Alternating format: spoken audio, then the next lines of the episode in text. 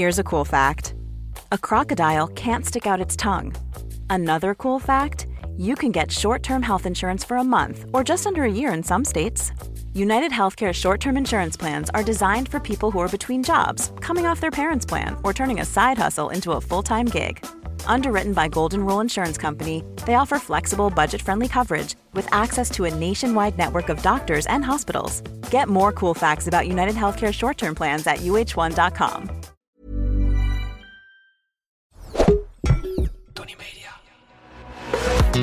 Dit is Met z'n allen de podcast. Waarin ik, Gwen van Poorten, iedere aflevering in jouw anonieme vragen duik. En omdat samen advies geven leuker is dan alleen, zit ik hier vandaag met niemand minder dan. Lale Goel! Lale, wat fijn dat je er bent. Ja, dankjewel voor de uitnodiging. Ik vind het Ja, ja. hartstikke leuk om hier te zijn. Maar jij weet helemaal niet hoe fan ik van jou ben, volgens mij. Nee, hè? nee. Oké. Vertel. Awkward.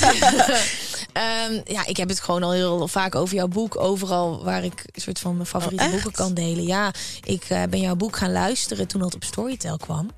Oh, No spon.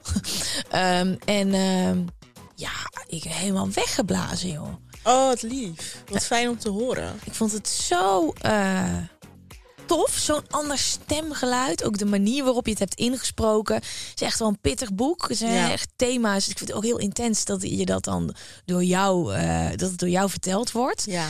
Dus ik weet nog wel dat ik dit s'avonds ging luisteren en dat ik gewoon niet meer gestopt ben. Dus Oh dat is echt een van mijn favoriete boeken van, dus dan 2020 hè, dat jouw boek is uitgekomen. Of niet? 2021 Is het de ene- februari, ja. En toen kwam het ook op Storytel meteen, of niet? Nee, dat was echt een tijdje later. Ja. Oh, wacht. Wacht even. Natuurlijk 21. Ja, ik skip even. Je weet met die pandemie dat je soort van zo'n jaar... Ja, precies. Ja, precies. Dat was het jaar. Dus ik had jou al heel erg lang op mijn verlanglijstje staan. Oh, jeetje. Ik ben echt niet zo goed in complimenten ontvangen, maar ik waardeer het echt enorm. En Laat het over je heen komen.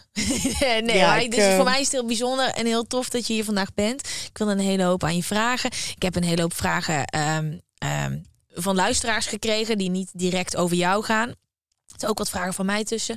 Dus laten we gewoon lekker gaan beginnen. Ja? oké, ja. Ik ben je heel hebt benieuwd. alles, drinken, lekker, ja. Ehm, dit is de allereerste aflevering van 2023. Oh ja. Happy New Year iedereen, de beste wensen. Ik weet niet of ik dat nog mag doen, maar dat doe ik altijd tot februari. Ja, precies. Ik had ook eh, allemaal kaartjes geschreven met fijne feestdagen, maar ik was te laat met versturen. Dus nu. eh, Hoe waren jouw feestdagen? Wat heb je gedaan? Eh, het was echt leuk. Ik ging eigenlijk naar mijn schoonfamilie. Want ik heb een ja, Nederlands vriend en zijn familie viert het wel. Mijn familie sowieso niet, maar ik heb ook geen contact met mijn eigen familie. Mhm. Dus we gingen naar zijn opa en oma die in België wonen. En dat was echt eh, ja, gewoon heel traditioneel met kalkoen en alles erop en eraan en cadeautjes. En ik vond het echt hartstikke leuk. Ja. En op nieuwjaar heb ik eigenlijk niet zoveel bijzonders gedaan. We gingen gewoon sushi bestellen en op de bank. Ja, hij zei van ja, in Rotterdam gaat Jonna Fraser optreden bij eh, Café in the City of zo. Maar Oh, ik had ja, zo geen ja. zin. Ik weet niet, ik was gewoon niet in de moed om echt uit te gaan of zo. Dus ik zei van ja, ga maar met vrienden, want ik blijf gewoon thuis. En toen bleef hij ook. Dus ging gewoon een soort van sushi op de bank eten en ja, een film kijken of zo. Dus jij hebt gewoon een hele relaxte jaarwisseling gehad. Ja, ik had gewoon, ik ben niet zo van het vuurwerk en zo. Oh, ik ook niet, man. Ik vind dat ook heel zielig voor de diertjes. Want al mijn buren hebben katten en zo. En dan zie ik al die katten zo helemaal stressed out. En dan denk ik, oh, zielig. Maar je woont in Amsterdam. Nee, in eh, Hilversum nu. Oh, en daar mag je gewoon vol gas vuurwerk afsteken. Volgens mij, nou ja, misschien ook niet. Maar iedereen deed het gewoon. Ja, volgens mij was het alleen in Rotterdam en Amsterdam niet. En ja, maar iedereen iets. deed het gewoon. Dus Ja, iedereen deed het ik gewoon, zag ja. zelfs dat eh, Femke Halsema op haar Instagram een story had gemaakt met eh, dat het eh, niet de bedoeling was dat er zoveel was afgestoken en dat heel veel politiemensen Ja, het was niet gezellig. ja, verwond waren en zo. Ja. Ik, zag, ik zag ook in het nieuws, ja, kind heeft oog verloren. Ik dacht, nou, gezellig. Ja, ja het, als het aan mij ligt, kappen we gewoon helemaal met vuurwerk. Doen we, dat heb ik ooit. en ik Nee, nu ga ik echt een kinderverhaal vertellen. Maar ben je wel eens in de Efteling geweest? Nee, eigenlijk niet. Nou, eh, in de Efteling heb je aan het einde bij zo'n vijver heb je zo'n hele grote watershow. Ja. Klinkt heel debiel, is echt superleuk met water en lampen en het is echt prachtig. En ik denk, als we dat nou gewoon op het ei doen, zo'n watershow, Ja. is, is het hele probleem opgelost. Ja, of dat de vuurwerkshow soort van door een soort van instantie of zo, of officieel iets zo gewoon veilig wordt gedaan. Dat had je nu met drones. Oh. Maar dat kon niet door door de wind. Maar, maar Ah, oké. Ja. Ehm, we gaan het ehm, over jouw hele leven hebben. Ik heb natuurlijk jouw boek geluisterd. Eh, maar ik wil wel voor de luisteraars, zeker ook die nog niet jouw boek hebben gelezen of geluisterd. ehm, ik denk dat er zeker een hele groep mensen dat wel hebben gedaan. Maar toch even beginnen helemaal bij het begin. Hoe was Kleine Lale? Ja. Hoe zou je omschreven worden? Ehm, ik was vooral heel rustig, stil, bescheiden. Eh, ik was echt een nerdje op school. Ik had echt alles eh, van tevoren al af. En dan ging ik het zo stapelen van kijk, ik ben klaar. En dan wisten leraren niet wat ze me nu weer moesten geven. Ja, ga maar een puzzel maken, zeiden ze dan. Dus ik was echt een nerd, heel bescheiden. Eh, in het weekend ging ik dan, ja, door de week ging ik dan naar school. In het weekend ging ik naar de Koranschool. Daar was ik eigenlijk ook een, een nerd, alhoewel ik dat minder leuk vond, zeg maar, om te leren. Want dan moest je, zeg maar, eh, religieuze teksten uit je hoofd leren en zo, eh, in het Arabisch. En ehm, ja, verder was er eigenlijk niet heel veel ehm, te doen in mijn leven. Want ik had zeg maar, ik wilde heel graag op een sport of een muziekles of zo, of op dansles, want dat vond ik allemaal heel leuk, maar daar was gewoon geen geld voor. Dus eh, ja, heel vaak was het soort van of buiten spelen of naar de bibliotheek, want dat was gratis.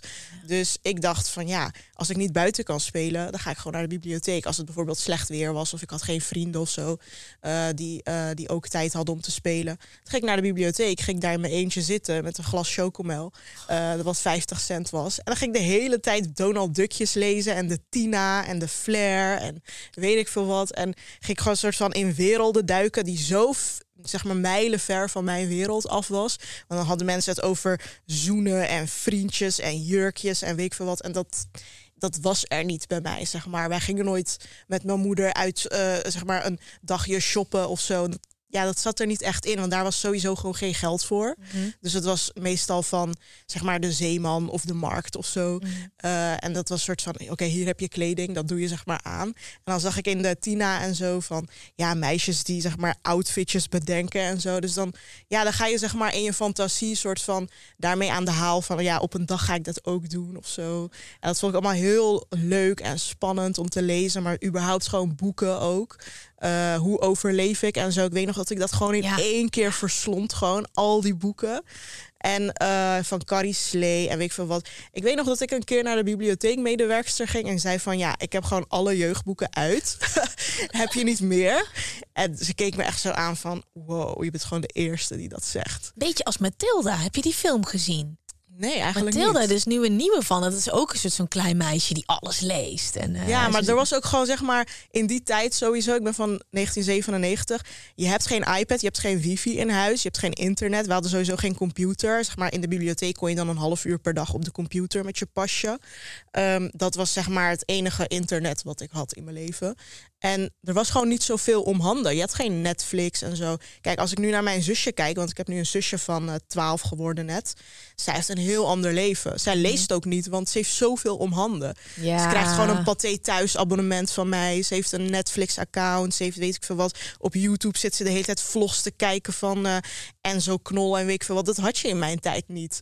Mhm. Tenminste, misschien had je ze wel, maar ik kende ze helemaal niet. Dus het Wat was wil gewoon... je worden? Ehm, ja, dat, vond ik, ja ik, dat ben ik gewoon heel vaak verwisseld. Ik dacht eh, een tijdje danseres, want ik vond dansen altijd al heel leuk. Ja. Eh, daarna was het arts, want ik wilde gewoon mensen genezen. Ja, het, het switchte soort van de hele tijd. Ehm, volgens mij wilde ik ook wel een tijdje juf worden, want het leek me wel vet dat ik gewoon een soort van de baas was in de klas. ja, dus het, het heeft de, de hele tijd geswitcht. En ik weet nog dat ik op de middelbare school klaar was met mijn VWO. En toen dacht van, oké, wow, nu moet ik gewoon echt een keuze maken. Toen ging ik maar rechten doen, want het was gewoon breed. En dan kon je gewoon advocaat mee worden. Toen dacht ik, ja, daar zit ik wel goed. Maar na een jaar dacht ik, ja, hmm, is dit het wel? Weet je, ik heb gewoon heel lang niet geweten wat ik echt wilde worden. Totdat ik eh, Nederlands ging studeren. Want ik dacht, ja, wat vind ik nou gewoon echt leuk om te doen? Dat is gewoon bezig zijn met boeken en literatuur. Het lag en altijd al voor je neus eigenlijk. Ja, maar het was een soort van concreet in, in studies kon ik niet bedenken dat dat soort van Nederlandse taal en literatuur was of zo. Ja. En toen ineens zag ik dat op de VU-website. En toen dacht ik, ja, dat moet ik studeren of zo. Het was ineens, het klopte ineens. Mhm. En toen ging ik dat maar studeren. En toen voelde ik me ook echt op mijn plek. Dus dat eh, was gewoon sowieso een goede keuze. En het was ook ehm, speciaal een studie Nederlands op de VU die gericht was op literatuur. Vet. Dus dat, eh, ja, dat paste gewoon helemaal bij mij. En dat was gewoon iets waardoor je zeg maar je hobby en je, je, je eh, studie kon combineren. Mhm. En daarvoor wist ik gewoon, ja, moet ik nou psychologie doen, economie, rechten, weet ik veel, weet je wel. Iedereen leek wel op zijn plek, want mijn vriendinnen gingen gewoon geneeskunde en tandheelkunde doen en gingen ook niet meer twijfelen. En ik dacht, ja, ik weet het gewoon niet, want alles lijkt me wel een beetje leuk of zo. Ja, ik ben heel blij dat je dit bent gaan doen. Want ik denk dat het direct in verband staat met het boek wat je uiteindelijk hebt geschreven. Ja, Eh, kan je me even mee terugnemen naar jouw opvoeding in Amsterdam-West? ja. Hoe zag die eruit? Nou, ik eh, ben opgegroeid in de Akbarstraat in Bos en Lommer, in de Kolenkitbuurt. Ik weet niet of het je wat zegt, maar... eh, En nou, de naam zegt me wel wat, maar ik denk niet dat ik er ooit ben geweest. Ja, het is in ieder geval, zeg maar, het stond bekend in de krant als de slechtste buurt van Nederland heel vaak. Dus elk jaar stond er wel aan de krant van Kolenkitbuurt, weer slechtste buurt van Nederland. En toen gingen wij in de klas soort van daarmee koketteren of zo. Van ja, kijk, we hebben het weer gedaan of zo. Het was echt, Het is wel badass als je er woont. ja, ja, soort van. Ja, maar het is niet echt leuk of zo. Want er waren letterlijk elke dag politieauto's in de straat. En dan was er weer een wietplantage in onze straat opgerold of zo. Dus het was een soort van, ja, gewoon heel veel. Het is ook later bekend geworden dat heel veel van de top 600 criminelen uit Nederland gewoon uit Amsterdam-West komen. Inclusief volgens mij Ridwan Taghi, die nu een van de grootste drugsbaronnen is van de wereld. Dus ehm, ik weet trouwens niet of Taghi uit Amsterdam-West komt hoor. Maar dat, Volgens mij komt hij uit. Of Utrecht, was Utrecht, het. Ja, ja. ja, ja. Nee, niet hij, maar wel, wel andere mensen in ieder geval. Van de top 600. En ehm, Voelde je je onveilig in je buurt? nee, dat niet. Je had zelf niet echt van dichtbij het idee van ik woon in een slechte buurt of zo. Want je weet niet beter. Maar het was in ieder geval een eh, buurt met heel veel soort van huiselijk geweld ook. En eh, heel veel pro- eh, ja, probleemgevallen. Kinderen die zonder, zonder lunch en zonder eten naar school kwamen. En dan soort van eten van mij vroegen, omdat ik wel gewoon elke dag eten meekreeg en zo. Maar, Dat was gewoon een soort van normaal of zo in onze klas. En eh, ja, heel veel analfabetisme, ouders die geen brieven konden lezen en soort van op school met hun briefjes kwamen en dat aan hun kinderen lieten lezen en zo, inclusief mijn ouders, die geen formulieren konden invullen, die sowieso gewoon niet de Nederlandse taal echt machtig waren. Het was een zogenaamde zwarte buurt, dus eh, ja, er woonden basically geen witte Nederlanders, ja, alleen eh, een soort van tokkies of dronken mensen of zo, maar niet echt, zeg maar. 99% was soort van allochtoon en heel arm. En ja, dat is wel de buurt waar ik vandaan kom. Maar dat, als kind had je dat niet. Je, je, je had niet het idee van, oh, ik woon in een eh, slechte buurt of zo. Het was gewoon, weet je, jij had gewoon je vrienden en je vriendinnen. En je ging gewoon buiten spelen en naar de bibliotheek. En het was gewoon all good, weet je wel. En je bent Ehm, ook gewoon een kind. Dus alles wat je om je heen ziet, dan denk je dat dat gewoon. Ja, dat iedereen precies. zo leeft. Ja, Ja. precies. En eh, ja, ik, ik had op zich gewoon een fijne jeugd. Ik had gewoon ouders die eh, gewoon voor mij zorgden. En ik had eigenlijk niks te klagen tot mijn soort van zestiende. Toen zag ik ineens in dat ik eh, wel wat te klagen had. Want eh, mijn ouders waren dus streng religieus. En ehm, ja, eerst weet je natuurlijk gewoon niet beter, want iedereen om je heen is zo, denk je dan en zo. Maar je komt op de middelbare school en zo. Dan ga je lezen en dan ga je leren over de rest van de wereld. En dan ben je nieuwsgierig. En dan kom je er ineens achter dat jij eigenlijk best wel veel dingen niet mag.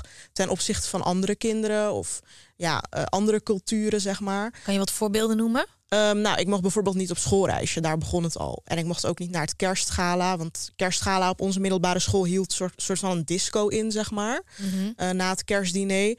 En dan ging je gewoon met z'n allen dansen en ja, mensen namen ook drank mee en zo. En op schoolreisjes, ja, hetzelfde, weet je wel. Je ging gewoon uit en je ging soort van eh, flirten met elkaar en dat soort dingen. En dat was gewoon echt uitgesloten, zeg maar, voor mijn ouders. En weet je nog het eerste moment dat je daarachter kwam? Want je krijgt een uitnodiging om mee op schoolreis te gaan. En dan Ja, toen zat denk ik dus ja. in de brugklas. En toen had, eh, ja, was de bedoeling dat we met z'n allen op reis gingen. En toen zei mijn moeder al als eerste... Het was sowieso altijd mijn moeder die een soort van erger was dan mijn vader. Wat ook een beetje een soort van apart is, aangezien zij een vrouw is. Maar eh, zij zei van, nee, dat gaan we niet doen.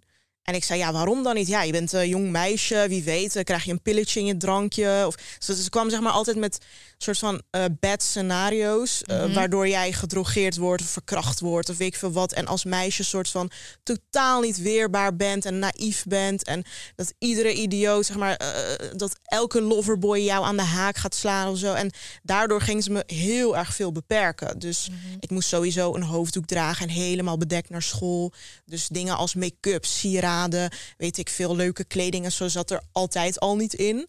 En dan mocht je inderdaad ook niet uh, kerstgala, weet je wel, uitjes met vriendinnen in de avond buiten zijn, schoolreisjes, dat was gewoon allemaal uitgesloten. Oh, wil jij met je vriendinnen afspreken? Dan komen ze maar naar ons. Dan ga je hier veilig met ze afspreken.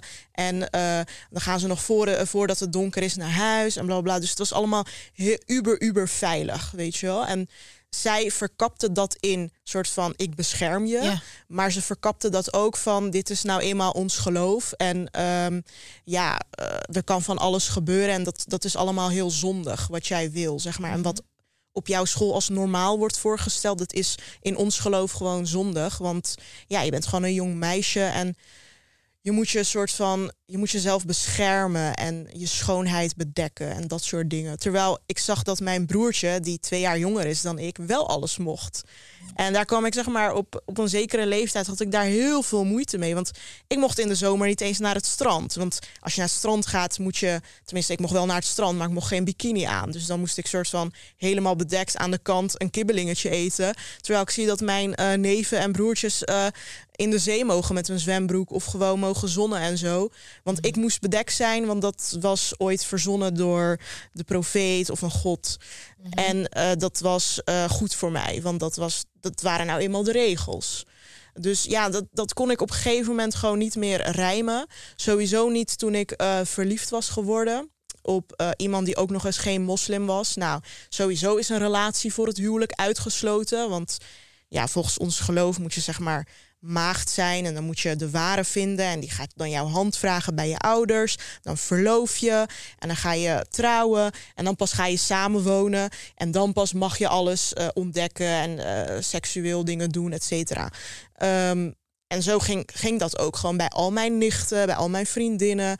Maar ik zag dat niet echt zitten. Ik dacht, ja, wat is dat nou voor systeem? Want straks vind ik het helemaal niet fijn en dan ben ik al getrouwd. Zeg maar, hoe, hoe weet ik nou van tevoren hoe ik het met iemand in huis ga vinden? En uh, sowieso hoe het, of het seksueel matcht en zo. Ja, ik, ik had daar heel veel vragen bij. En daar werd gewoon op gezegd: ja, nee, zo gaat het al gewoon uh, bij ons. En zo doet iedereen het. En uh, maak je nou maar geen zorgen. En uh, weet je wel, laat het gewoon over je heen komen. Dat is nou eenmaal ons geloof, onze cultuur. Stel niet zoveel lastige vragen.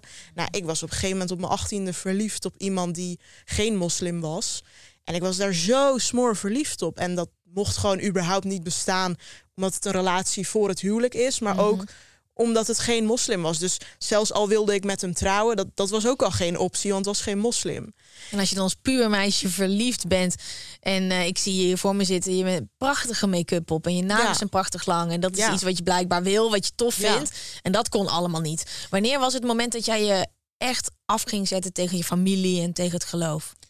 Nou, ik heb dat dus heel lang niet gedurfd. Ik heb wel altijd vanaf mijn zestiende een soort van afgezet. Dus er was heel vaak ruzie thuis, slaande deuren. Ik ging schreeuwen, ja, het is mijn leven en ik ben 18 en ik bepaal hoe laat ik thuis kom en dit en dat. Want op een gegeven moment um, werd het van kwaad tot erger. Want um, als ik zeg maar een keer laat thuis kwam, dan zeiden ze van waar ben je? En dan had ik 23 gemiste oproepen. Ja, je bent helemaal niet op je werk, want ik werkte in de Albert Heijn. En dan ging mijn vader checken of ik daar wel echt was. En dan kwamen ze erachter dat ik daar niet was, omdat ik stiekem met een vriendje had afgesproken.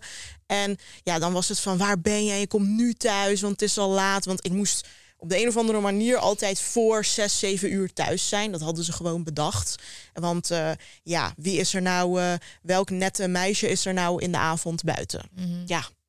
En um, nou, het was uh, toen uh, videobellen. Ja, waarom neem je niet op? En bewijs dan dat je daar bent op je werk. En bewijs dan dat je met die en die vriendin bent. Dus er was gewoon totaal geen vrijheid. En ik moest zeg maar jongens met wie ik appte, inclusief mijn eigen vriend, maar ook vrienden en zo. Die moest ik met een meisjesnaam opslaan. Want stel je voor dat ik mijn telefoon ergens laat en mijn moeder ziet van uh, ja, Jantje die appt mij. Ja, dan, dan was het al van wie is dat en zo. Als ik lachend aan het appen was op mijn telefoon, ja, met wie praat je? Waarom lach je? Zit je met iemand te flirten? Weet je wel, dat soort vragen de hele tijd. Dus ja, je merkt gewoon, um, zeg maar, naarmate de tijd vorderde, had ik gewoon zoiets van: ik word gewoon in alles beperkt. Sowieso ook in het feit dat ik uh, niet alles mocht dragen wat ik wilde en zo. Dus ik moest heel vaak soort van uh, mooiere kleding meenemen in mijn tas. En dan in de trein omkleden als ik naar uh, mijn vriendje ging en zo. En dan als ik terug naar huis ging, weer in de trein in de wc omkleden. En dan weer zeg maar zo'n lange wijde jurk aan of zo. Mm -hmm. Want ik mocht geen jeans dragen, want dan zag je mijn billen. Of dan zag je mijn borst. Of het was te strak. Of het was te kort. Of ik had lipstick op. Weet je wel. Dus er was gewoon nou, het is echt bijna niet voor te stellen, maar er was gewoon heel veel beperking. En ik uh, leed daar gewoon uh, heel veel onder. Op wat voor manier? Nou, omdat ik dacht van, hoe lang gaat dit nog zo door? En uh, wanneer heb ik een keer vrijheid? Wat is vrijheid voor jou? Ja, vrijheid was op dat moment voor mij überhaupt gewoon nagellak dragen, make-up dragen, mijn haar kunnen doen, geen hoofddoek hoeven dragen, uh, de outfit die ik wil dragen, het ja, thuiskomen wanneer ik wil, slapen waar ik wil, uh, met mijn lichaam en mijn vagina doen wat ik wil, waar ik zin in heb, wat ik verstandig vind, uit kunnen gaan, naar festivals kunnen gaan, überhaupt op mezelf wonen, want dat mocht ook al niet als student. Mm -hmm. Want iedereen om me heen die woonde of op kamers of op, op, op, op zichzelf of met een vriend. En ik hoefde dat niet te proberen. Want dan zei mijn moeder van op jezelf wonen. Wanneer heb je gezien dat iemand dat doet in onze familie? Je moet eerst trouwen, dan pas ga je het ouderlijk huis uit. Niet en waar uh... haalde jij dit vandaan? Want je groeit op in een familie, in een gemeenschap, waar dit de normaalste zaak van de wereld ja, is. Ja, precies. En dat was ook zo moeilijk. Want iedereen om je heen uh, conformeert zich wel aan die regels. Ja. Echt waar haal jij dit vandaan? Nou, omdat ik natuurlijk eh, op een gegeven moment in aanmerking kom met de wereld buiten mijn familie mm -hmm. en buiten mijn buurt. Ik kom op de universiteit, op de middelbare school. Ik praat met mensen, ik lees boeken, ik kijk tv, ik lees kranten. Dus ja. op een gegeven moment kom je er vanzelf achter van, oh ja, wat, wat ik allemaal meemaak, dat is niet standaard of zo. Dat is standaard voor ons, maar ja. dat is niet voor andere mensen normaal of zo. Want op een gegeven moment had ik ook vriendinnen op de universiteit die zeiden van, huh, maar hoezo hou jij je vriendje geheim? En dan zei ik van ja, dat mag niet van mijn ouders, bla bla. bla. Ja, maar jouw ouders gaan toch niet over jouw leven? Je bent 18 plus, weet je. -hmm. Dat is zo logisch voor hun. En ik zo van ja, maar toch doen ze dat wel. Ja, maar waarom zou je daarnaar luisteren? Um, ja, omdat anders mijn ouders heel boos worden en uh, mij letterlijk ertoe verplichten. Oh, maar dan ga je toch gewoon je spullen pakken en uit huis. Ja, maar dan zie ik ze nooit meer. En dan verstoten ze mij. Oh, maar dat zullen ze echt niet doen hoor. Weet je wel, het is gewoon. Het was zo'n cultuurshock vaak. En je kon het ook niet goed uitleggen. Want die mensen hadden die referentiekader niet. En heel veel sowieso Nederlandse meisjes die ik op de universiteit kende, die hadden überhaupt geen religieopvoeding, uh, zeg maar. Dus die mm -hmm. wisten dan ook niet per se hoe uh, devote mensen zich gedragen. En dat, dat ze echt ja, liever hun kind verstoten dan dat ze zeg maar van de regels afwijken van God. Want anders gaan zij naar de hel, zeg maar. En dat was een, een concept wat heel ver van hun bed lag, zeg maar. Dat merkte ik wel in die gesprekken. Dus op een gegeven moment kon ik eigenlijk niet anders dan mijn frustraties in een soort dagboek, wat later dus mijn boek werd, ja, uiten. Omdat ik dacht van ja, niemand begrijpt het eigenlijk. Wanneer begon je met schrijven? Hoe oud was je toen? Uh, ik was toen 21. Dus je schreef alles wat ik heb gehoord, ja. gewoon nog in het huis bij je ouders. Ja, ja. Hoe was dat? Nou, eigenlijk heel fijn, omdat um, nou, op een gegeven moment was er gewoon elke dag ruzie thuis. Want er was elke dag ruzie over ofwel dat mijn moeder me betrapt had met een outfit wat ik niet aanhoorde te doen, ofwel omdat ik weer te laat thuis was, of omdat ik weer niet had opgenomen, of weer niet op mijn werk was en had gelogen en weet ik veel wat. Dus uh, en ja, heel vaak überhaupt gewoon niet thuis was, want ik ontvluchtte letterlijk het huis omdat ik dacht, ik wil gewoon vrijheid. Ik wil gewoon het leven ontdekken en ik ga niet elke dag thuis zitten. Nou, daar was ook heel vaak ruzie over. Dus ik moest op een gegeven moment die frustratie eh, echt gewoon ergens kwijt. En ik ging niet naar een, een psycholoog of zo. En ik had ook niet echt mensen die het helemaal begrepen. Want vriendinnen van mij, die kwamen ook uit dezelfde cultuur. En die zeiden dan dingen als van... Ja, Lale, ik snap het wel, maar... Ja, ik snap je ouders ook wel, want het is nou eenmaal onze cultuur. En ja, waarom moet je nou met een, een Nederlander een relatie hebben? Je kan toch ook gewoon een leuke Turkse jongen zoeken, weet je wel? Dus Mhm. dan, zij gingen gewoon een soort van... Ja, ik snap jou wel, maar het is nou eenmaal zo, weet je wel? Dus En dat ging er bij jou niet in. Nee, want ik was gewoon veel recalcitranter dan zij. Omdat ik dacht, ja, maar dat vind ik niet logisch. Het is niet eenmaal zo. En het is niet eenmaal ons geloof. Want ik weet nog niet eens of ik geloof. En hoezo, als dat in een boek staat of verteld wordt dat dat het geloof is, is dat ook gelijk de absolute waarheid. Er zijn 10.000 geloven op de wereld. Hoe weten jullie nou dat ons geloof klopt en zo? Nou, dat moest ik echt niet zeggen. Ja, eh, ik was helemaal van het padje af. En ik was veel te verkaasd, heette dat toen. En ik praatte als een Nederlander. En eh, ik moest maar oppassen dat ik niet mijn eigen identiteit ging verlogenen. En dat was nou eenmaal hoe het ging bij ons, in onze cultuur. En daar moest ik niet te, niet te lastig over doen. Dat was meestal het antwoord dat ik kreeg. En dan had ik natuurlijk ook gewoon Nederlandse vriendinnen, maar die begrepen het ook niet echt. En toen dacht ik van ja, dan ga ik het maar gewoon soort van opschrijven. Want dan kan ik zeg maar gewoon ja, echt mijn woede kwijt. Gewoon mijn gevoelens kwijt. En dit wisten je ouders niet. Nee, ik- Was het jouw intentie om hier ooit een boek van te maken? nee, eigenlijk in het begin helemaal niet. Nee? Ik het begon als een dagboek. Ik had gewoon zo'n Word-document geopend en ik, het heette gewoon dagboek. En toen ging ik gewoon elke dag dat ik zeg maar ruzie had thuis of echt zo, ja, die, die agressie in me had tegen vooral mijn moeder, dacht ik echt van, oké, ik ga het gewoon allemaal opschrijven en niemand kan dit lezen, want er zat sowieso een wachtwoord op en zo. En hier mag ik eindelijk gewoon mezelf zijn en eerlijk zijn en gewoon zeggen wat ik van iedereen vind. En dat luchtte enorm op. Als ik gewoon een soort van eh, op sommige dagen had ik gewoon 10.000 woorden getypt. Dat zegt heel veel, want zo gefrustreerd was ik. En dan ging ik mijn laptop dichtklappen en dan voelde het gewoon alsof ik leeg was gelopen. En toen dacht ik, oh, nu ben ik gewoon rustiger. Nu ik het soort van heb getypt. En dat leerde me sowieso dat het heel belangrijk is om je gevoelens überhaupt te uiten. Of het nou schrijvend is of pratend. Bij iedereen is het een andere manier, maar dat hielp heel erg. En nu probeer ik dat nog steeds te doen. Ik hou nu nog steeds een dagboek bij. Dat is gewoon iets wat ik er altijd in heb gehouden. Niet elke dag, maar gewoon op de dagen dat je je kut voelt en zo. Het is gewoon. Het is ook heel ehm, soort van interessant om dat dan weer een tijdje later terug te lezen. Dan denk je, wow, die dag was ik verdrietig. Jeetje, dan heb je gewoon bijna met jezelf te doen, zeg maar, als je dat Mhm. terugleest. En als je dan ineens in een goede moed zit of gelukkig bent, is het ook heel gek om dat weer terug te lezen en zo. En wat was de emmer? Nee, niet de emmer. Wat was de emmer die de druppel deed overlopen? nee, de druppel die de emmer deed overlopen. Dat je dacht, ja, dit kan ik gewoon niet meer. Mm, Wellicht, waarschijnlijk staat het ook in je boek. maar wat bedoel je met kan ik niet meer? Want dat Ik- gevoel ik kan- had ik al eigenlijk sinds mijn Ja. achttiende. Maar dat je gewoon, eh, nou misschien wel een soort van de heftigste passage uit je boek. Of iets dat je dacht, nou Ja. dit gaat me echt in ieder opzicht te ver. Dit kan gewoon niet meer. Nou, mijn moeder begon ineens over ehm, trouwen en mannen die mijn hand zouden kunnen vragen. Want kijk, in onze Ja. cultuur heb je heel vaak zeg maar een bruiloft. Want heel veel mensen die moeten zeg maar op jonge leeftijd trouwen om überhaupt samen te kunnen wonen. Dus we hadden heel vaak een bruiloft en zo. En dan is het zeg maar, als je naar zo'n bruiloft gaat en je gaat zeg maar dansen en zo, dan kijken al die vrouwen die een volwassen zoon hebben, kijken naar jou van, oh ja, die zou, dat zou wel een potentiële kandidaat kunnen zijn voor mijn zoon. Dus dan ga ik alvast haar hand vragen of zo. Ja, het En werkt lag jij met jouw zo. grote mond goed in de markt daar? Of wist iedereen dat Nou- jij zo, deze gedachten had? Dus Nee, dat wisten ze dus dat allemaal hield je niet. allemaal echt voor jezelf Ja. en binnen het gezin. Ja, tuurlijk. Want als ik dat ging uiten, dan zou niemand me meer mogen en zo. En dan zou ik een soort van een hele slechte reputatie hebben, ook binnen de familie. En als irritant ervaren worden en zo. Dus ik hield dat allemaal voor mezelf. Want ik dacht, ja, die gaan het toch nooit begrijpen en zo. Ja. Maar op zo'n bruiloft en als er visite kwam, dat is sowieso in onze cultuur. Ja, elke dag is er wel visite.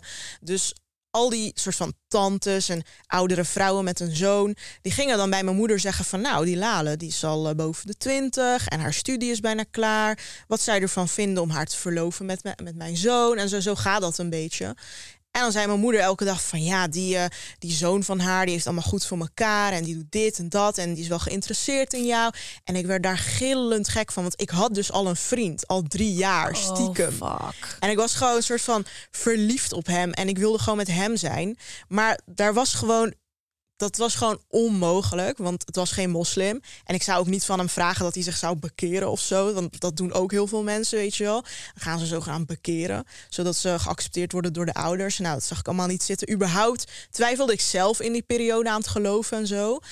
En zij kwam gewoon elke dag met die wil jouw hand vragen en die wil jouw hand vragen. En uh, ja, uh, je moet niet te lang wachten hoor, want straks ben je over datum. Gewoon dat soort ouderwetse mm -hmm. gedachten. Dat is zeg maar, voor mijn moeder ben je al over datum als je op je 26e nog niet getrouwd bent. Zeg Holy maar. shit, wat ben ik dan? ja, en dan moet je vroeg kinderen krijgen en je moet soort van, uh, ja, dat, dat noemt ze dan je nest opbouwen. En ja, dat is allemaal heel belangrijk, want straks ben je te laat en dan kom je niet meer aan een man. En dan is iedereen al bezet of zo. Ja, echt dat soort ideeën. Gewoon heel belachelijk. En ja, dat, dat zorgde bij mij voor heel veel frustratie. Maar überhaupt gewoon alles bij elkaar.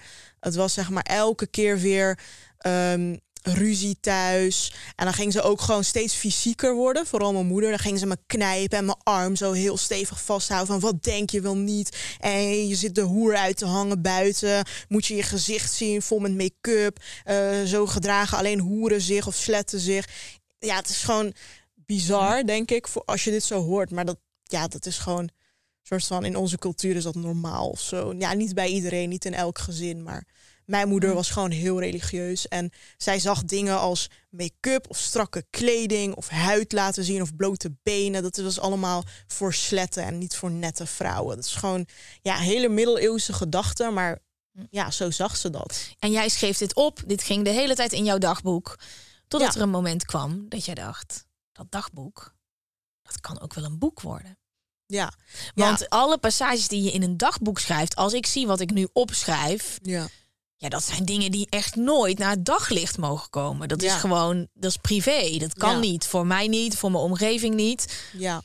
Hoe was dat maakt voor jou? Want jij bent zo bloedeerlijk over alles. Ja, maar dat maakt juist een boek sterk, denk ik. Als je zeg maar er. Als je het allemaal onwijs. opschrijft van ik ga dit gewoon nooit publiceren en het is alleen, alleen maar voor mezelf, Ja. dan schrijf je met een hele andere instelling dan dat je zegt, oh ja, nu ga ik een roman schrijven. Want dan ga je rekening houden Ja. met alles wat je schrijft. Want je moet niet te kwetsbaar zijn en je moet niet te, te lelijk zijn over mensen om je heen en weet ik veel wat. Dan ga je ineens elk woord ga je wegen. En daar hou ik dus niet van. Maar het moet- werd wel in één keer van een dagboek een boek. Ja. Heb je daarover na moeten denken? Want je hebt inmiddels zeker. geen contact meer met je familie. Ja. En eh, daar is dit boek een eh, onderdeel van. Ja, ik, ik studeerde dus Nederlands taal en literatuur. En op een gegeven moment hadden wij een vak op de universiteit dat heette creatief schrijven. En dat werd gegeven door twee schrijvers, Arno Grunberg en Kees Hart. En bij creatief schrijven moest je uiteindelijk een document inleveren van 3000 woorden, waarin je ja, basically creatief schrijft. Dus je schrijft gewoon en zij geven een cijfer naarmate dat goed in elkaar zit en goed geschreven is.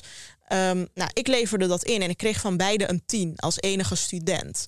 Dus dat was de eerste, eerste eh, want Arno Grunberg had ook zo'n notitie geschreven van dit is een project om voort te zetten. En daarmee bedoelde hij misschien moet je wel een boek schrijven. En eh, dat was zeg maar het eerste soort van zaadje wat bij mij geplant werd. Hoe Van, oud was je toen? ik was toen 21. Wauw. Ja. En dat was het eerste moment dat ik dacht, wow, misschien kan ik wel gewoon echt een boek schrijven. Maar toen ging ik googelen van hoe schrijf je een boek en hoe kom je bij een uitgever en zo. En toen stond er van, ja, ehm, eh, er zijn eh, volgens mij een, er zijn miljoenen mensen in Nederland die een boek willen publiceren, maar 99% komt er niet doorheen. En eh het is allemaal heel eh, moeilijk om als onbekend persoon bij een eh, gerenommeerde uitgeverij een boek te laten publiceren. et cetera. Dus ik was al soort van, ik dacht al van, ja, ga ik dit wel doen en kom ik er wel doorheen en zo. Ik was er heel onzeker over, maar ergens ook weer juist heel zelf, zelfverzekerd, omdat ik van twee schrijvers een tien had gekregen en zo'n notitie. Dus ik dacht, ik kan gewoon schrijven. Dus dat was wel al, dat wist ik toen wel. Toen dacht ik van ja, misschien moet ik het wel gewoon proberen. Maar dan had je wel nog het element van, oh, maar ga ik dan mijn dagboek publiceren? En ja, hoe dan? En komen mijn ouders daar niet achter? En krijg ik dan geen ruzie? En de rest van de familie? En Nou, hoe ga, ga ik het het allemaal doen? echt zo inzetten zoals ik het erin heb gezet? ja, of ga Want ik het allemaal wijzigen? Want en, ik weet dat je dat hebt gedaan. Want ik Ja. weet nog dat de eerste, dit is ook gewoon de eerste vijf minuten die ik heb geluisterd. Het is echt, je wordt gewoon meteen omvergeblazen. Zegt ze dit nou echt? Ja, precies. Oh my god. Ja, en, en dat vooral dat, die hoofdstuk over ehm, dat hoofdstuk over seks en zo. Ja, dat, is, dat heeft me zo erg achtervolgd. Ja. Want ik heb heel expliciet over seks geschreven. Nou, dat is gewoon ongehoord in onze contraien natuurlijk. Dus dat was, dat was nog wel het allerergste van alles. Maar ook gewoon dat ik, dat ik heel eerlijk schrijf over de lelijke gevoelens die ik tijdens de ruzies heb voor mijn eigen moeder. En Mhm. weet ik veel wat. Ja, dat, dat was gewoon heel chockerend voor heel veel mensen. En ja, ik heb heel lang getwijfeld van ga ik dat allemaal zo ongefilterd erin zetten? Of ga ik het een beetje milder maken, een beetje wegknippen en een beetje wijzigen en met andere woorden beschrijven, misschien zachter brengen. En ook over dat twijfelen aan geloof. Moet ik dat niet meer zetten op cultuur en weet ik veel wat. Dus dat, ja, maar toen dacht ik op een gegeven moment van nee, maar dan wil ik het gewoon niet. Ik wil gewoon of helemaal eerlijk als ik het ga doen, of, of niet. Want anders vind ik het gewoon niet sterk of niet eerlijk of zo. Ik weet het niet. Ja, ik dacht van ja, dat, dat, dat wil ik gewoon niet. Dan ga ik het liever niet doen of zo. Wat is het doel van het boek? Nou, het doel van het boek is om in eerste instantie mensen die zoals ik zijn, want dat zijn er heel veel, weet ik inmiddels, maar toen wist ik dat nog Die niet. deel dat je ik- ook in je stories. Ja, toch? Ja, je krijgt veel berichten van en mensen. dat is nog niet eens, geloof me, dat is niet eens 1 twintigste deel. Want ik, ik deel uiteindelijk eh, maar een heel klein deel, omdat ik denk, ja, nu weten mensen het wel of zo. Maar ik krijg nog steeds gewoon zoveel mails, zoveel berichten. En zoveel mensen die zeggen, mag ik je, mag ik je een keer in levende lijf ontmoeten? Ik wil mijn verhaal bij je doen, et cetera. En ik ben zelfs naar de burgemeester gestapt met een aantal meisjes die thuis zo worden onderdrukt dat ze hulp aan me hebben gevraagd en zo. Dus het is allemaal heel, ehm, ja, heel veel. En dat wist ik op dat moment niet. Maar ik dacht, als er al iemand rondloopt die met dezelfde twijfels rondloopt als ik en met dezelfde struggles, dan help ik haar gewoon. En dan zeg ik gewoon met dit boek van, yo, je bent niet de enige. Kijk, ik ben er ook nog en misschien kunnen wij de krachten bundelen of zo. Ja, het was gewoon een soort van laten zien van... ik ben vast niet de enige of zo. Of ik, ik, ik ben er voor je. Dat, dat was het eerste doel. Maar het was ook gewoon mijn woede uiten. En het was ook gewoon... Kijk, in de Nederlandse literatuur heb je niet zoiets. Je hebt heel, Nee. veel, je hebt heel veel boeken over mensen... die de reformatorische kerk verlaten... of de katholieke kerk... en überhaupt het christendom en daarmee struggelen... en die daar soort van heel veel...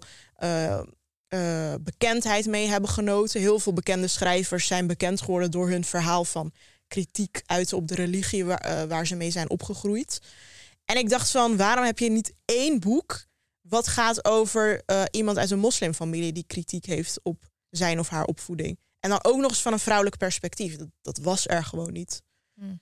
Ja, misschien was het Met er wel, reden maar ik- Huh? Met een reden waarschijnlijk, omdat het misschien... Ja, Ja, het was gewoon heel moeilijk, inderdaad. En ook al had je wel boeken die er tegenaan schuurden, het was nooit zo open en eerlijk, zeg maar, over ook echt het geloof. Zoals het bij de christenen ging, zeg maar. Bij, bij, in die christelijke boeken, of die, zeg maar, die ehm, mensen die het christendom verlaten, dan was het heel normaal om soort van te spotten met het geloof ook echt. En het geloof te beledigen en te zeggen van wat een onzin is dit allemaal en zo. Maar zo, zeg maar, een boek wat echt daarmee te vergelijken valt uit moslimkringen, dat, dat was er gewoon niet. Mm. Je had wel eh, moslimschrijvers, maar die gingen echt niet ageren tegen het geloof of zo, of daar echt kritisch over schrijven. Misschien een beetje, misschien een beetje tegen aanschuren, maar niet echt heel erg eerlijk en open en, en met een gestrekt been of zo. Maar je bent er met een gestrekt been in gegaan. Absoluut. Ja, en ik dacht van misschien kan ik soort van dat gat vullen, die plek vervullen van kijk, wij zijn er ook nog. Zeg maar mensen die in een moslimcultuur kritiek hebben op, op, de, op het eigen geloof. En niet alleen chris- eh, ex-christelijke schrijvers, zeg maar. Mhm.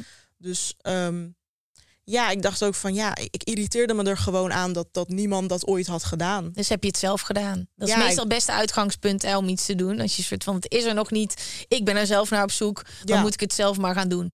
Eerste vraag. Ik wil ook even zeggen, ik vind het echt heerlijk om naar je te luisteren. Oh, Echt, dankjewel. je kan zo lekker praten. Soms hoor ik mezelf praten en dan denk ik, oké, ik ga weer veel te lang door. Oh nee, ik vind het echt. Ik, ik, ben he- ik vind het heerlijk hoe je praat. Eh, ik heb een vraag gekregen. Ehm, hey, ik ben een gast. Hoe gaat het met jullie? Kunnen jullie me vertellen wanneer jullie voor het laatst trots op jezelf waren? Ik ben dat namelijk nooit. Ik vraag me af waarom. Oh. Hebben jullie tips? Ehm, heb jij een beetje kunnen genieten van het succes van je boek? Ja, dat was elke keer zo dubbel. Ja, dat is gewoon zo'n soort van... Oh, ik, ik, ha ik krijg bedreigingen, haatberichten... en ik heb geen contact meer met mijn familie... en mijn broertje is boos, waar ik dus nog wel contact mee heb... maar die is gewoon ontzettend boos. En mijn zusje die op die 12 is en er eigenlijk niks van begrijpt. En die op een islamitische school zit en een hoofddoek draagt, et cetera. Die, daarvan heb ik een soort van het leven verwoest. Omdat ze al haar populariteit is verloren op school, in de klas, met haar vriendinnen. Ehm, dus dat, het was gewoon heel zwaar. Omdat ik dacht van, heb ik wel het recht? Kijk, aan de ene kant, ik heb het recht om een boek te schrijven. Maar heb ik het recht om mensen die daar niet om hebben gevraagd... in mijn boek mee te nemen? Mhm. Want ja, de, de, de hoeveelheid aandacht en media wat gebeurde er wat je niet had verwacht? Want ik, heb, ik neem aan, het was een ge- eh, gecalculeerd, ingecalculeerd Ja. besluit. Je wist wat er ging gebeuren, je hebt hier goed over nagedacht. Ehm, dit boek is naar buiten gekomen. Ja. Maar wat je nu zegt bijvoorbeeld over je zusje, had je, Ja. dacht je zover? Nee, kijk, zover had ik dus niet gedacht. Ik heb op een gegeven moment gehoord dat mijn opa uit de moskee is geweerd, omdat hij daar kwam, daar kwam om te bidden.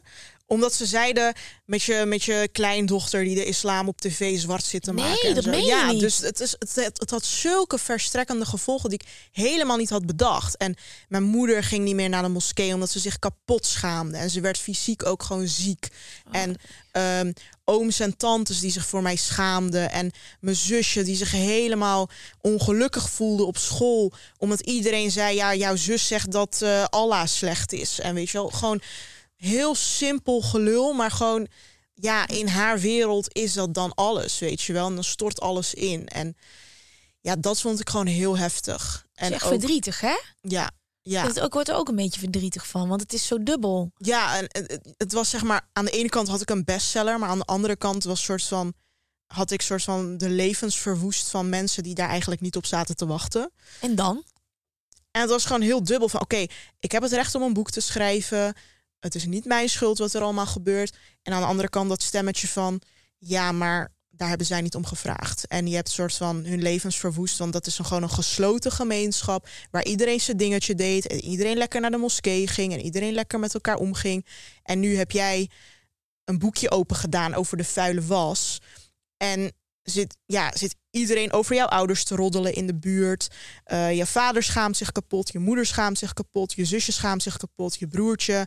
Eh, omdat zijn vrienden letterlijk naar hem appen. Heb je gezien wat jouw zus schrijft? Dat ze iemand lekker pijpt in haar boek. Ja, dat waren gewoon dingen, was zo ongemakkelijk. En het is gewoon, ehm, ja, ik voelde me gewoon een soort van schuldig, maar ik ging mezelf wijsmaken dat het niet mijn schuld was, want ik kreeg aan de andere kant wel weer heel veel complimenten en heel veel positieve berichten van je hebt mij ook geholpen. En mijn uitgeverij was blij, want ik had Ja, een dat je bestseller. uitgeverij ja, dus het was een soort van. Allemaal positiviteit en allemaal negativiteit tegelijkertijd. Ik had ook nog eens een rechtszaak met bedreigers. Iemand had twaalf maanden cel gekregen. Hou op. Ja, omdat Ik hij... weet dat je veel bedreigd wordt nog steeds, maar er heeft iemand ook echt de celstraf gekregen. Ja, dat Zo. kan je ook eh googlen. Want Ik weet, heeft, ik, eh, weet, ik weet dat het best wel moeilijk gaat met het rechtssysteem als het om bedreigingen gaat. Maar Ja. als iemand twaalf maanden cel krijgt, dan zal het wel pittig zijn geweest. Ja, ik heb dus echt honderden bedreigingen gehad. En 99% daarvan zijn niet vervolgd. Omdat inderdaad het is heel lastig om iemand te vervolgen op basis van een bedreiging. Want ja, wat is een bedreiging? Hoe bedreigend is het? Ehm, weet je, wat voor maatregelen kan je daartegen nemen? En is het wel tegen de wet, et cetera? Ja, dat zijn allemaal heel ingewikkelde vraagstukken. Want zolang iemand niet zegt, ik kom morgen naar jouw huis en ik eh, schiet je door je kop of zo, is het niet echt een bedreiging. En heel vaak zijn het van die cryptische bedreigingen van wacht maar, kijk maar goed om je heen, Ja. ik kom jou binnenkort tegen, dat soort En dingen. dan, En- dan kan die dat op 30 manieren uitleggen. ja, precies. Dat is gewoon multi-interpretabel, zeg maar. Maar één persoon had het zo bond gemaakt dat het wel vervolgbaar was, zeker. En die had ook gewoon allemaal foto's van wapens gestuurd, onthoofdingsfilmpjes met mijn hoofd erin bewerkt. En gewoon die, ehm, ja, het was een anoniem account, dus de politie moest eer- eerst zijn IP-adres weten te vinden. Nou, toen is hij aangehouden. Toen is, zijn, toen is zijn laptop en telefoon in beslag genomen. Had hij gegoogeld naar wapens kopen en zo. Dus dat was gewoon echt, ja, echt een gevaarlijke gek. En die heeft gewoon twaalf maanden, die is veroordeeld tot twaalf maanden cel. En ik weet nog dat ik in de eh, rechtszaal zat. En het duurde uren en uren, want ik wist ook niet dat dat zo lang duurde. Want ze ging ook letterlijk alles langs wat hij had gedaan en gezegd en zo. Ook tegen andere mensen die eh islamkritisch waren, zeg maar. En ik dacht echt, wat doe ik hier? Ik was ooit een student aan de VU die gewoon Nederlandse literatuur aan het studeren was. En nu zit ik in een fucking rechtszaal met deze gek die ook duidelijk geen spijt had van zijn daden. En het was ook uit onderzoek gebleken dat hij een heel laag IQ had en weet ik veel wat. Dus echt gewoon, ja, iemand waar je echt niks mee kan. Gewoon echt een kansloos figuur. En ik dacht, ja, wat doe ik eigenlijk hier? Gewoon dat gevoel van, moest ik dit wel doen? Zijn er dingen die je achteraf anders had gedaan nu je dit allemaal weet? Bedreigingstechnisch gezien, de gevolgen voor je familie. Ja, dat is heel moeilijk te zeggen. Want kijk, ik, ik voel me ook aan de andere kant vrijer dan ooit. Ja? Ik doe gewoon wat ik wil. En dat is zo'n enorme vrijheid. Ik, ik heb gewoon een vriendje waar ik heel gelukkig mee ben. Ik eh, kleed me zoals ik wil. Ik ga gewoon naar het strand. Ik ga over tien dagen naar Mexico. Nou, daar ga ik misschien wel topless over het strand heen. Weet ik veel wat ik ga doen. Ik ga gewoon lekker het leven vieren. Ik drink een wijntje elke avond. Ik vier kerst. Ik, eh, ik eh, weet je wel, ik mag gewoon eh, uitgaan en zo. Ik mag op vakantie. Ik, ehm, ik kan gewoon omgaan met wie ik wil. Ik kan een homo-vriend hebben. Ik kan mannelijke vrienden hebben. Ik kan gewoon tot de midden in de nacht in een kroeg blijven hangen. Weet je wel, het is gewoon... Niemand gaat meer over mijn leven. Ik bepaal alles. Ik heb de regie. Is zo heerlijk, want dat heb ik nooit gehad eerder. Denk je dat je harder geniet dan de gemiddelde mens die dit Ja, allemaal meemaakt? Ja? Ja. Noem eens een voorbeeld dat je een moment dat je meemaakte dat je dacht, fuck, ik ben zo gelukkig. Het is gewoon de meest basic dingen die voor iedereen op deze leeftijd eigenlijk heel normaal is. Maar ik ervaar dat echt als ultieme vrijheid. Gewoon niemand gaat over mijn leven. Niemand zegt foei, dat is een zonde. En nou gaat iedereen over ons roddelen. En kijk eens eh, hoe je thuis komt. En eh, je ziet er niet uit. En weet ik veel wat. Het is gewoon. Ik kan gewoon zo, sowieso mijn eigen identiteit uitdragen. Want ik vind hoe je uiterlijk ehm, is, dat, dat is ook gewoon een groot deel van je identiteit. En dat merk je pas als je soort van je, jezelf moet bedekken of allemaal dingen niet mag. Want als ik nu naar oude foto's van mezelf kijk, toen ik nog gewoon een hoofddoek droeg, helemaal geen make-up en gewoon zeg maar eh, lange mouwen en lange eh, jurken, et cetera. En kijk naar die foto's en dan denk ik, wat een verschil. Gewoon, je ziet gewoon twee compleet andere vrouwen als je naar een foto van nu kijkt. Het is gewoon jouw hele identiteit als vrouw wordt soort van weggepoetst. En nu kan ik gewoon naar buiten met een decolleté, bij wijze van als ik daar die dag zin in heb. En niemand die me daarop kan aanspreken van eh, ja, eh, je, je, je tieten eh, vallen uit je blouse. Wat denk je wel niet of zo. Het is gewoon, nee, ik heb daar zin in. Ik wil me blijkbaar zo uitdragen die dag. Dat is mijn identiteit. Ik wil sexy zijn, ik wil mooi zijn. Ik wil lange nagels hebben. Ik wil rode lipstick hebben. Nou, dan, dan doe ik dat lekker. En ja, ik vind dat gewoon zo heerlijk dat ik gewoon mezelf kan uitdrukken hoe ik me voel van binnen Ja, of zo. ja. En ja, dat is voor de meeste mensen gewoon vanzelfsprekend. Maar Ja, en jij hebt zoveel geluksmomenten die je daaruit haalt. En ondertussen zijn er een hele hoop heftige dingen gebeurd. Hoe sterk ben jij mentaal? Hoe gaat het dan als jij thuis bent? Want jij het klinkt wel, eh, je hebt denk ik wel het heftigste jaar uit je leven achter de rug. ja, ja ik, ik, ik heb, die periodes zijn heel erg afgewisseld. Dus als ik dan weer hele nare berichten kreeg en zo, omdat ik vaak op tv was en zo. Het was vooral na een tv-moment dat ik heel veel haatberichten kreeg en haatcomments op Facebook en zo. Dat werd dan steeds doorgestuurd, want ik zit zelf niet op Facebook. En ehm, ja, dat, dat, dat, ja, dat geeft je gewoon een soort negatieve sfeer om je heen natuurlijk. Want heel maar is veel het mensen. echt dat je thuis komt dat je ook echt fucked up hebt gevoeld een lange tijd? Gewoon echt niet Ja, lekker in je vel zat? Hoe uitzicht dat dan? Ja, ik ging dan vooral drinken. Ja, Dat is echt slecht. Dat zou ik je ook niet aanraden. Maar ik ging gewoon een soort van mijn telefoon wegdoen. Want ik dacht, ja, daar zit alleen maar negativiteit. En als ik het niet zie, dan, dan merk ik het ook niet. Ehm, en ik ging gewoon dan, ja, gewoon Netflixen of zo. En dan de hele tijd wijn drinken. En zo ging ik soort van alles, ja, zoveel mogelijk negeren. Dat is een beetje mijn copingstrategie. Mhm. Dus als ik het niet zie, dan weet ik ook niet dat ik een bedreiging binnen heb gekregen of een haatbericht of Facebook comments. En ik ging op een gegeven moment ook alle social media ging ik gewoon verwijderen uit mijn telefoon. En ik ging vooral ja, positiviteit opzoeken. Dus met vrienden en zo afspreken. En, en dan ook expliciet zeggen, nou hier wil ik het niet over hebben. Laten we het eens over jouw leven hebben. Ben je nog op Mhm. date geweest of zo? Dus dat, precies. dat je gewoon ehm, ja, heel moedwillig en heel gericht eh, iets anders gaat doen dan wat daarmee te maken heeft of zo. En dat was mijn coping. Maar ja, als je s'nachts in bed ligt en naar het plafond kijkt, denk je wel van oei ja, ik heb mijn zusje haar leven verwoest. Weet je wel, dus dan komt het wel Mhm. weer terug. En ja, ja dat, dat is gewoon een soort kutgevoel waar je dan een soort van doorheen moet of zo. En dan denk ik, ja, ik weet dat ik me nu heel kut voel, maar ik weet ook dat er een dag komt dat het allemaal achter me ligt of zo. Dus dat hield ik dan een soort van steeds. En is dat nu die dag?